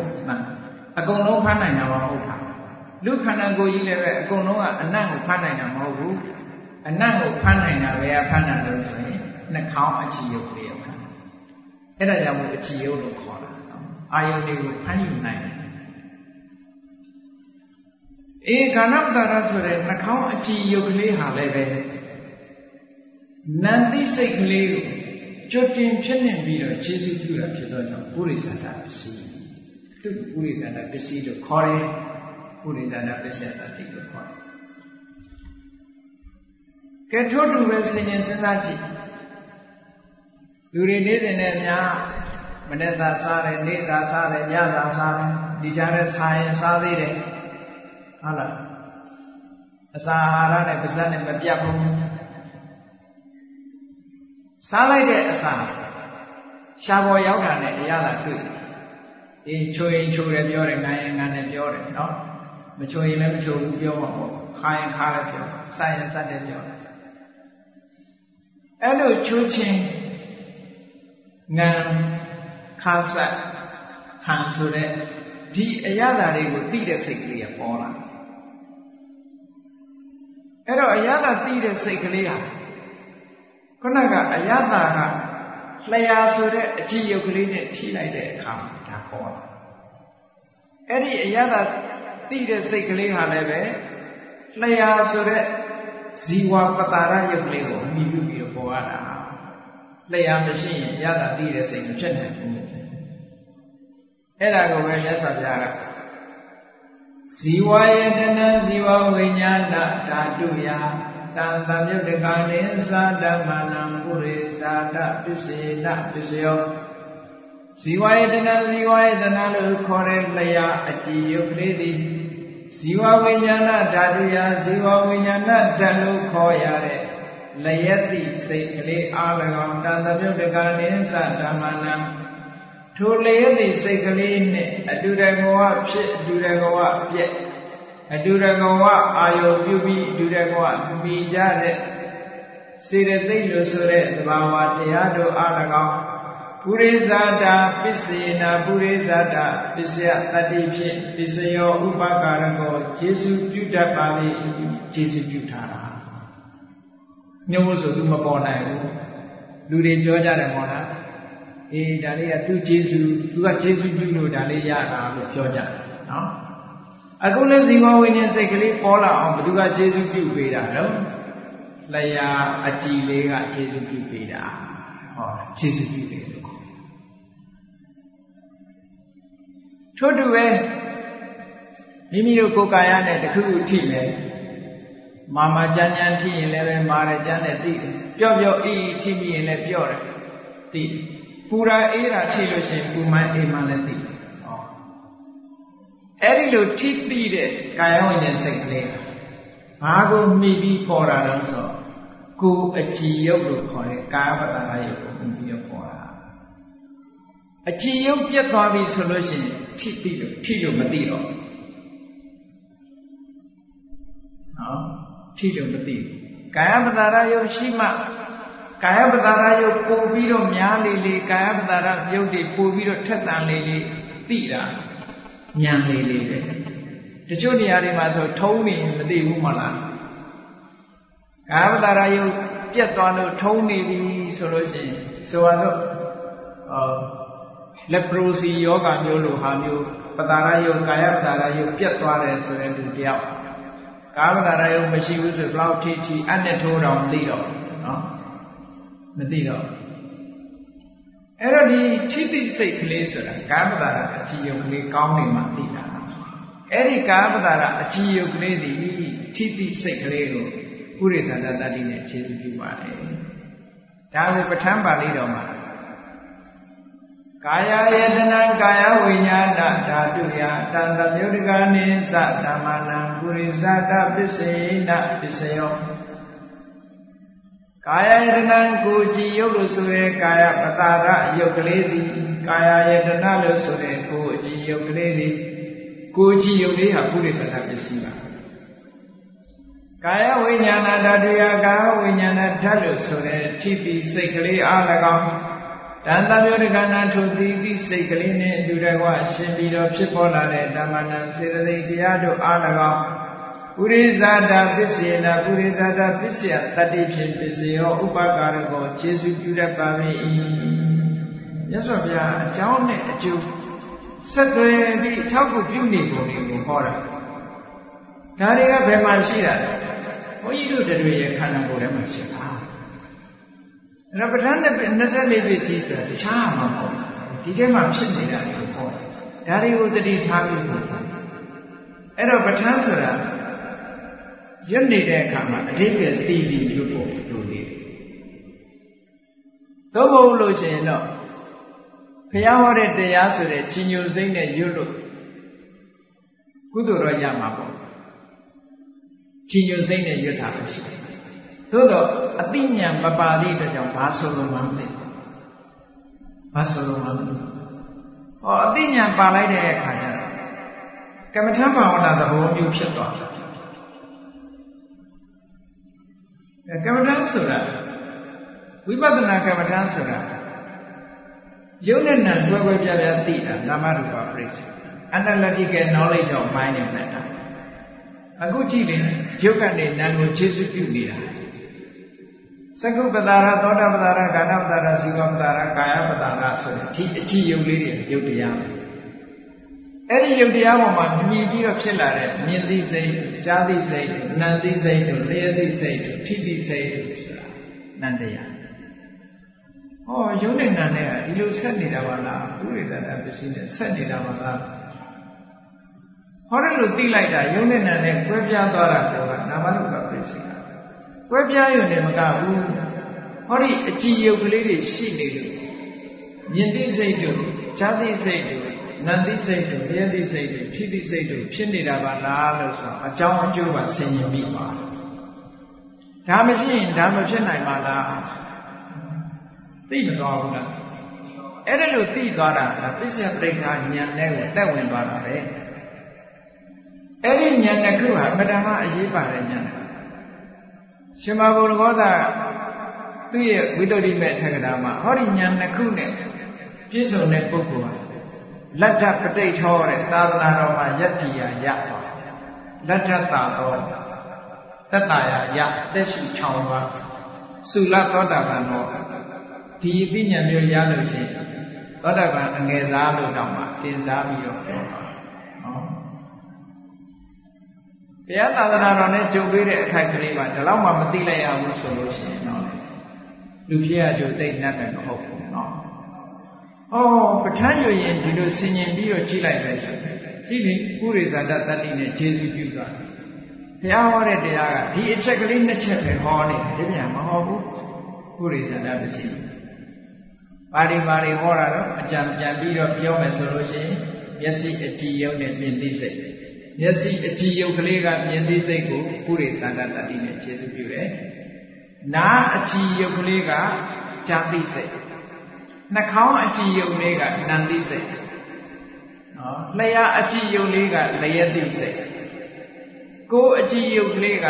ထိသိစိတ်။ယုံနဲ့နံနဲ့ဒီလိုပြန်ပြန်ခြေစုပြုသွားဖို့ပုရိသန္တပစ္စည်းမှာဒီလိုခေါ်တာ။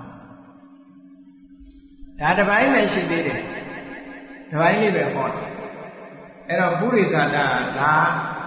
စိတ်ရဲ့မြေယဝတ္ထုယုတ်ပိုင်းကနေခေါ်တယ် နောက်တစ်ပိုင်းကကြည့်ကြအောင်နောက်တစ်ပိုင်းကကြည့်မယ်ဆိုရင်ဘာလဲပြောမျက်စိအကြည်ယုတ်ကလေးသည်မြင်သိစိတ်ကိုသူ့ဟာသူခြေစုပြုတာလားသို့မဟုတ်မျက်စိအကြည်ယုတ်ကလေးရှိတာနဲ့ပဲမြင်သိစိတ်ကလေးကထပြီးပေါ်လာတာလားဆိုမဟုတ်ဘူးစီကြီးတော့ရှိပါရဲ့တီးရလူမရှိရင်မြည်ရမှာမမြည်ဘူးတီးရလူဒုံနေသေးတယ် အခုလည်းမျက်စိအချီယုတ်ကလေးရှိတယ်မြင်စရာအာယုံကလာတိုက်ပါဟုတ်ကဲ့မြင်စရာအာယုံကလာပြီးတော့ဟောဒီအချီယုံနဲ့လာပြီးတော့မဆုံစည်းဘူးဆိုရင်မြင်သိစိတ်ထွက်ပါမလားအေးဆောင်းကျိုးနဲ့ဆောင်းအိုးဇွဲပေါ်တင်ထားတီးတဲ့လူမရှိရင်အတန်ထွက်ကြလား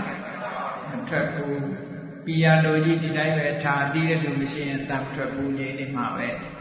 မျက်စိတော့ရှိတယ်ရူပါယုံကမျက်စိကိုလာပြီးတော့မထင်ဟပ်ဘူးဆိုလို့ရှိရင်မြင်သိစိတ်ပေါ်နိုင်မှာမလားအဲ့ဒီဥပမာကိုရှင်းရှင်းလေးမှတ်ထားဟုတ်လားစီဆိုတာတီးမှအတန်ထွက်တယ်စီကိုလက်နဲ့တီးတယ်ဆိုလို့ရှိရင်စီရဲ့လက်ရဲ့ထိုစီနဲ့လက်နဲ့ပေါင်းလို့ဖြစ်ပေါ်လာတဲ့အတန်ရဲ့သုံးမျိုးရှိထို့တူပဲ မျက်စိရဲ့အဆင်းအာယုံရဲ့မျက်စိကစီနဲ့တူတယ်အဆင်းအာယုံကစီတီးတဲ့လက်နဲ့တူတယ်ဖြစ်ပေါ်လာတဲ့စီတန်နဲ့မြင်သိစိတ်နဲ့တူတယ်သုံးမျိုးရှိတယ်အေးပုရိသဒတတ္တိမှာမျက်စိအကြည်ယုတ်ကလေးသာပုရိသဒတတ္တိမဟုတ်ဘူးတဲ့အဲ့ဒီအကြည်ယုတ်ကလေးကိုလာပြီးတော့ ထင်ဟပ်ပြီးတော့ထိခိုက်လိုက်တဲ့ဒါအာယုန်နဲ့ဝတ္ထုစုံစည်းတာတိုက်ခိုက်တာလူတွေကတော့မကြားလိုက်ဘူးပေါ့တိုက်ခိုက်မှုကပြင်းထန်ဒီစိတ်ကလေးပွင့်သွားတော့အောင်တိုက်ခိုက်တာနော်တာမန်တိုက်တာတွေတော့လူတွေသိတာပေါ့ကားနှစ်စီးတိုက်လိုက်ရင်ဒုံးနဲ့ဆိုဖြစ်သွားတယ်ဟုတ်တယ်မလားတာမန်တိုက်တာတွေလူတွေသိသို့တော့မျက်လုံးကိုအစင်းအာရုံလေးကလာတိုက်တာမသိလိုက် သူလည်းအရှိန်အဟုန်တအားကြီးတယ်မြင်သိစိတ်ဘွားနဲ့ပေါ်လာအောင်တိုက်တာမတိုက်ဖဲနဲ့မပေါ်ဘူးတိုက်လို့ပေါ်တာနော်လူမကြားနိုင်တဲ့လူမမြင်နိုင်တဲ့တိုက်ခိုက်မှုတွေဒါကိုလည်းပဋိက္ခတော့တိုက်ခိုက်မှုပဲကဲကောင်းပြီမျက်စိဆိုတဲ့အကြည့်ယုတ်လေးကိုအဆင်းအာယုံလာတိုက်တယ်အဲ့ဒီအဆင်းအာယုံလေးကရောသက္ကဝိညာဉ်စိတ်ကိုဘာကျေဘာတတ္တိနဲ့ခြေစုပ်ပြုလဲ ဟောဒီပုရိသတာနဲ့ခြေစုပ်ပြုတာသူကဘယ်ချိန်ကမွေးဖွားတာတုံးဆိုတော့ခုနကပြောတဲ့ပထမဘဝင်စိတ်ဥပတ်တဲ့အချိန်လေးမှာသူတို့ပေါ်လာတာသူလည်းစိတ်ချက်ခဏ၄ချက်စောပြီးတော့ပေါ်လာတယ်ဘွန်အာလီယာကျွတ်တင်ပြီးတော့မွေးဖွားလာတဲ့အကြောင်းတရားအဲ့ဒါကိုမြတ်စွာဘုရားကဟောတယ်စကလုံးပြောင်းသွားတာကိုတတိထား ရူပယတနာသက္ခဝိညာဏဓာတုယတန်တမြုတ်တကနိသဓမ္မနံပုရိဇာတပစ္စေနပစ္စယောရူပယတနာအစင်းအာယုံလေးခုနတုန်းကစက္ခာယတနာမျက်စိအကြည့်ယုတ်ကလေးဟုတ်ကဲ့အခုဟာကမျက်စိအကြည့်ယုတ်ကလေးမှလာပြီးတော့ထိခိုက်တဲ့အစင်းအာယုံကလေး ရူပယတနာရူပယတနာလို့ခေါ်တဲ့မျက်စိရဲ့အစင်းမျက်စိမှလာပြီးတော့ထင်ဟပ်လာတတ်တဲ့အစင်းအာယုံကလေးသည်သက္ကဝိညာဏဓာတုယသက္ကဝိညာဏဓာတ်လို့ခေါ်ရတဲ့မြင်သိစိတ်အား၎င်းတန်တပြုတ်တကနံထိုသက္ကဝိညာဉ်စိတ်နဲ့ရှင်တွဲ၍ဖြစ်ပေါ်လာတဲ့ဓမ္မနံစေသိက်ခုနှစ်ခုတို့အား၎င်းပုရိဇာတပစ္စယေနပုရိဇာတတတိဖြင့်ပစ္စယောဥပကာရောကျေစုပြုတတ်ပါ၏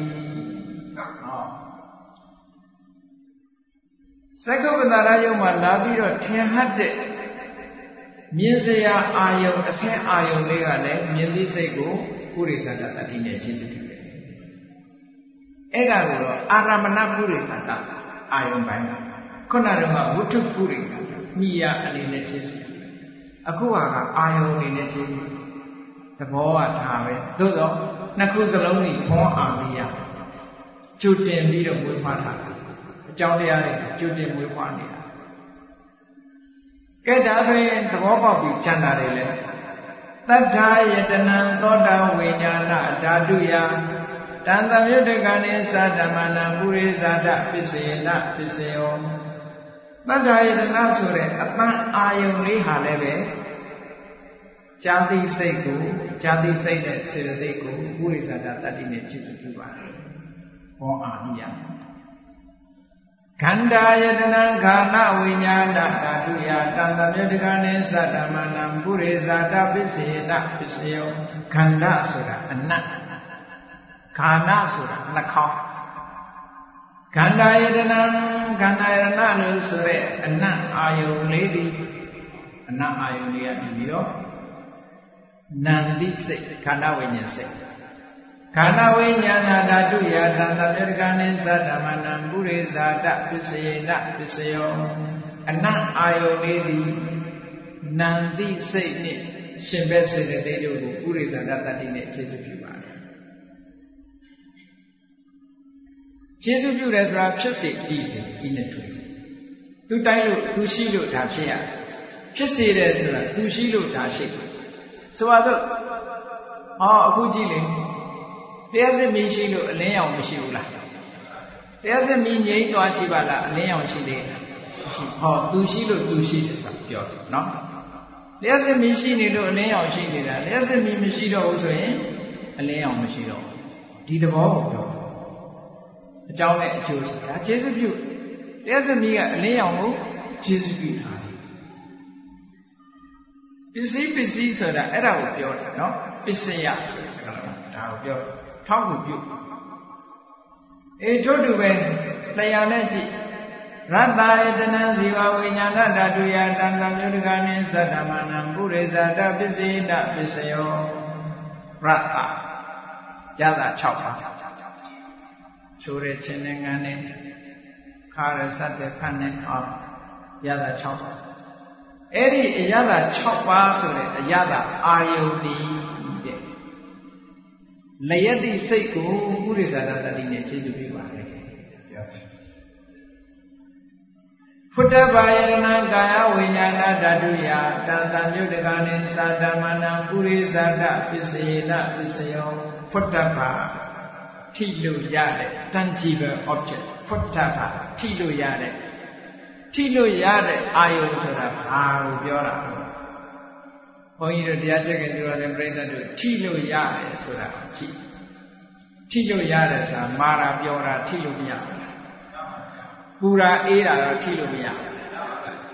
တွန်းကန်တာတို့လှုပ်ရှားတာတို့ထိလို့မရဘူးဟောထိလို့ရတယ်ဆိုတာမာရာပြောတာမာရာထိလို့ရတာကပထဝီပူရာအေးတာကတေသောတွန်းကန်တာတို့လှုပ်ရှားတာတို့ကမာယော ဖုထဘာယနာဆိုတခြားခေါ်တာမဟုတ်ဘူးပထဝီရဲ့တေဇောရဲ့ဝါယောဒီသုံးခုခေါ်တာအဲ့ဒီသုံးခုကိုဖုထဘာယောလို့ခေါ်တယ်တန်ကြီးပဲ object ထိလို့ရတဲ့အာယုထိလို့ရတဲ့အာယုကလေးဒီထိတိစိတ်ကာယဝိညာဉ်စိတ်လေးကိုဥရိသဒတတိနဲ့ဖြည့်ဆည်းပြုပါတယ်မြတ်စွာဘုရားဒီလိုဟောတာကြည်ဓာရီကတခြားမဟုတ်ဘူးနော် သက္ခာယတနာသောတာယနာကာနာယနာဇီဝယနာကာယယတနာဆိုတာအာယတနာ12ပါးတဲ့ကပဲမဟုတ်လားရူပယတနာသတ္တယနာကာနာယနာသတ္တယနာပုဒ္ဒပါယတနာဆိုတာလေအာယတနာ12ပါးတဲ့ကပဲအဲ့ဒီရုပ်အာယတနာတွေနဲ့ကြည်ရုပ်အာယတနာတွေဒီဒီအားတွေကပေါင်းလိုက်မယ်ဆိုရင်သက္ခာယတနာသောတာယနာကာနာယတနာဇီဝယတနာကာယယတနာဆိုတာကပတာရယုတ်၅ခုပဲ ပတာရယုံ၅ခုရူပယတနာဆိုတာရူပယုံတတ္တယတနာဆိုတာအတ္တခန္ဓာယတနာဆိုတာအနံရတ္တယတနာဆိုတာအယတာရတ္တဖုဒ္ဓပါယတနာဆိုတာပထဝီတေဇောဘာယောပေါင်းလိုက်တဲ့အခါရုပ်ပေါင်းတော့ရှိပတာရယုံ၅ခုရဲ့နော်ရူပရဲ့တတ္တရဲ့ခန္ဓာရဲ့ရတ္တရဲ့ ပထဝီရဲ့တေဇောရဲ့ဝါယောရဲ့ဘယ်နှခုဖြစ်တော့12ခုအဲ့ဒီ12ခုကိုပဲဩလာရိကယုတ်လို့ခေါ်တာတိတာထင်ရှားတဲ့ယုတ်တွေဩလာရိကယုတ်ကြည့်ကြည့်ဟောဒီဩလာရိကယုတ်တွေကနေပြီးတော့ဒီထိတိစိတ်တို့မြင်တိစိတ်တို့ကြားတိစိတ်တို့လျက်တိစိတ်တို့နံတိစိတ်တို့ကိုခြေစုပြုနေတာထောက်ပြုပုရိသတာတတိနဲ့ခြေစုပြုနေတာဒီလိုဟောတာမြတ်စွာဘုရားဟုတ်ကဲ့ ဒါပုရိသနာတတ္တိတခုတည်းလို့ပြောလို့တာမဟုတ်ဘူးတခြားပစ္စည်းတွေနဲ့ဆိုင်တာတွေလည်းရှိသေးတယ်အများကြီးဒါပုရိသတာကိုနားလဲအောင်ကြည့်ဒါတွေကကိုယ့်ရဲ့နေ့စဉ်ဘဝမှာလူတိုင်းလူတိုင်းဟာမျက်စိရှိတဲ့လူတိုင်းမြင်သိစိတ်တွေဖြစ်နေကြတယ်။နားရှိတဲ့လူတိုင်းကြားသိစိတ်တွေဖြစ်နေကြတယ်။နှာခေါင်းရှိတဲ့လူတရားရှိတဲ့လူကိုယ်ကာယပတာရရှိတဲ့လူတိုင်းဟုတ်လား။ နန္တိစိတ်တို့လျက်သိစိတ်တို့ထိသိစိတ်တို့ဖြစ်နေကြတယ်။အေးရှိနေတဲ့အကြောင်းတရားတွေမျက်စိနာနာတရားကိုလို့ဆိုတဲ့အကြည်ရုပ်တွေဒီစိတ်တွေကိုပုရိသတတ္တိနဲ့ခြေစုပြုနေတာအထောက်အကူပြုနေတာဆိုဒါကိုယ့်ရဲ့ဘဝရှင်းပြပဋ္ဌာန်းဆိုတာအဲ့ဒါကိုယ့်ရဲ့ဘဝကိုရှင်းပြရှင်းပြနေတာနားလည်လိုက်လို့ရှိရင်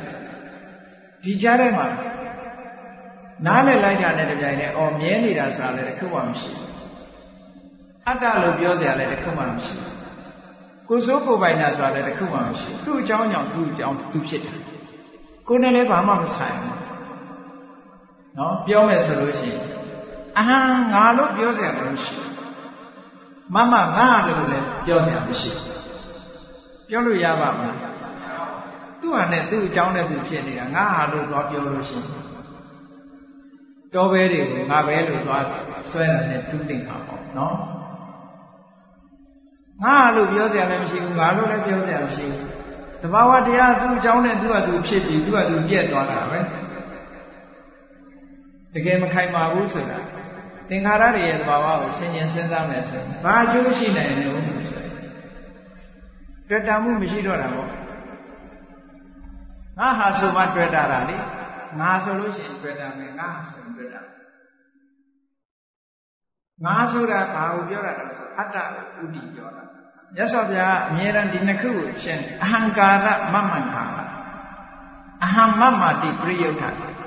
လူတွေကသဘာဝတရားတွေကိုအဟံငါလို့ပြောတယ်ငါလို့ထင်ကြတယ်တစ်ဖက်ကလည်းငါဟာလို့ထင်ကြတယ်အေးငါဆိုတဲ့အထင်ငါဆိုတဲ့အထင် ဒီအထင်တွေဟာတက်တက်ထင်မြင်ချက်တာဖြစ်တယ်တကယ်ငါဆိုတာလည်းမရှိဘူးသက္ကုပ္ပတာရယုတ်ဒီသက္ကုပ္ပတာရယုတ်တာဖြစ်တယ်ငါမဟုတ်ဘူးသက္ကုပ္ပတာရယုတ်ဒီသက္ကုပ္ပတာအကြောင်းကြောင့်ဖြစ်နေတဲ့အကျိုးများတာဖြစ်တယ်ငါဟာမဟုတ်ဘူးငါမဟုတ်တာငါဟာမဟုတ်တာတွေကလူတွေကငါလုပ်ပြီးငါဟာလုပ်နေကြတာအဲ့ဒါကြောင့်မို့လို့တန်တရားထဲမှာမျက်စိလည်ပြီးတော့ဒုက္ခတွေဝေးငါ မဟုတ်တာကိုငါလုပ်ပြီးတော့ဆင်းရဲကြတယ်ပြင်ပန်းကြတယ်ဖြစ်ရလေခြင်းတောကတွေလာဟုတ်ကဲ့ငါမဟုတ်တာကိုငါဟာလို့ထင်ပြီးတော့ငိုကြွေးနေကြတယ်ဒါကိုအရိယာသူတော်စင်တွေအနေနဲ့ကြည့်မယ်ဆိုရင်လူတွေကရည်စရာအလွန်ကောင်းတယ်ပြောတယ်ပုရုဇနောဥမ္မတကောဆိုအဲ့ဒါပြောတာနော်ပုရုဇနောဥမ္မတကောပုရုဇင်တွေဟာအယူတွေပဲဘာလို့လဲငါမဟုတ်တာကိုငါဟာလို့ထင် ငါမဟုတ်တာကိုငါလို့ထင်ထင်ပြီးတော့ထင်ယုံနေမဟုတ်ဘူးဒါတွေအတွက်ငိုကြတယ်ကြွေးကြတယ်သိမ့်ပိုက်ကြတယ်တယောက်နဲ့တယောက်ရံဖြစ်ကြတယ်ဆဲကြတယ်ဆိုကြတယ်ရိုက်ကြတယ်နှိမ့်ကြတယ်တတ်ကြတယ်ဖြတ်ကြတယ်ဟောဒါတွေလည်းဖြစ်နေတာပဲဟုတ်တယ်ငါမထိနဲ့ငါဟာလာမထိနဲ့နဲ့ပြောနေဘယ်ဘလုံးကဘယ်ပါတော့ငါဟာတကယ်တရားသဘောနဲ့ကြည့်ရင်ရှိသေးရဲ့လားမရှိဘူးသူသဘောနဲ့သူ့အကြောင်းနဲ့သူ့အကျိုးဆက်သွယ်ပြီးတော့ဖြစ်နေတာလို့ ဒီသဘောတရားတွေကိုသိဖို့ရတဲ့မြတ်စွာဘုရားကဒါကိုဟောတာပါပဋ္ဌာန်း20 APC ဆိုတာလည်းပဲဝိပဿနာကမ္မထမ်းရှုလို့ရတဲ့တရားတွေပဲတို့ရဲ့နေ့စဉ်ဘဝမှာအခုလိုအကြောင်းကျိုးဆက်နွယ်တွေဆက်နွယ်ပြီးတော့ဖြစ်နေတာပါလားလို့ဆိုတာကိုသဘောကျပြီးတော့ဘုရားမြတ်စွာရဲ့အမတန်မှတရားဓမ္မဆိုတာဘုရားမြတ်စွာရဲ့ဉာဏ်တော်ကြီးဟာအမတန်မှအံ့ဩစရာ လေးစားစရာကောင်းတယ်ဘုန်းကြီးတို့တွေဟာနီးရနဲ့မမြင်နိုင်ကြဘူးဟုတ်ကဲ့လားနီးရနဲ့မမြင်နိုင်ကြဘူးဝေးလို့မမြင်တာထားနီးရနဲ့ကိုမမြင်နိုင်တာကိုယ်တဏ္ဍာမှာဖြစ်နေတာဘာတွေဖြစ်နေမှန်းကိုမသိတာဟုတ်ကဲ့မျက်စိလေလမ်းမနေတာကိုမြတ်စွာဘုရားကမျက်စိလေလမ်းမမှားရအောင်အခုလိုအဘိဓမ္မာဒေသနာတော်ကြီးနဲ့ရှင်းလင်းပြီးတော့ဖော်ပြတာကိုတရားချက်ကင်သူတော်စင်ပြိဋ္ဌတ်တို့ ဥရိဇဒပစ္စည်းမပြီးသေးပါဘူးလက်ဖြန်ကျမှဆက်ဟောအဲ့ဒီပုရိဇဒပစ္စည်းရဲ့သဘောတဘာဝတွေကိုသိရှိနားလည်ပြီးတဲ့အခါကျအော်ငါလို့ခေါ်စရာလည်းတစ်ခုမှမရှိပါလားငါဟာလို့ပြောစရာလည်းတစ်ခုမှမရှိပါလားအားလုံးမှာအကြောင်းအကျိုးဆက်တယ်ပြီးတစ်ခုနဲ့တစ်ခုထောက်ကူပြုနေတာပါလားသဘာဝတရားသက်သက်ပါလားလို့ဒီလိုဓမ္မအမြင်နဲ့ကြည့်ရှုနိုင်မယ်ဆိုရင်တွေ့တာမှုဆိုတဲ့ သမှုရိယတဏှာသမှုရိယတရားကိုဖယ်ရှားနိုင်တယ်လို့ဖယ်ရှားနိုင်ရပြီးသောကပရိဒေဝဆိုတဲ့ရင်တွင်းကပူလောင်တဲ့အဆိုးတရားတွေကိုလည်းဖယ်ရှားနိုင်ကြမှာဖြစ်ပြီးသာဝရငြိမ်းချမ်းတဲ့အငြိမ့်တက်ကိုကိုယ်စီကိုယ်ကမျက်မှောက်ပြုနိုင်ကြမှာဖြစ်တယ်ဆိုတာ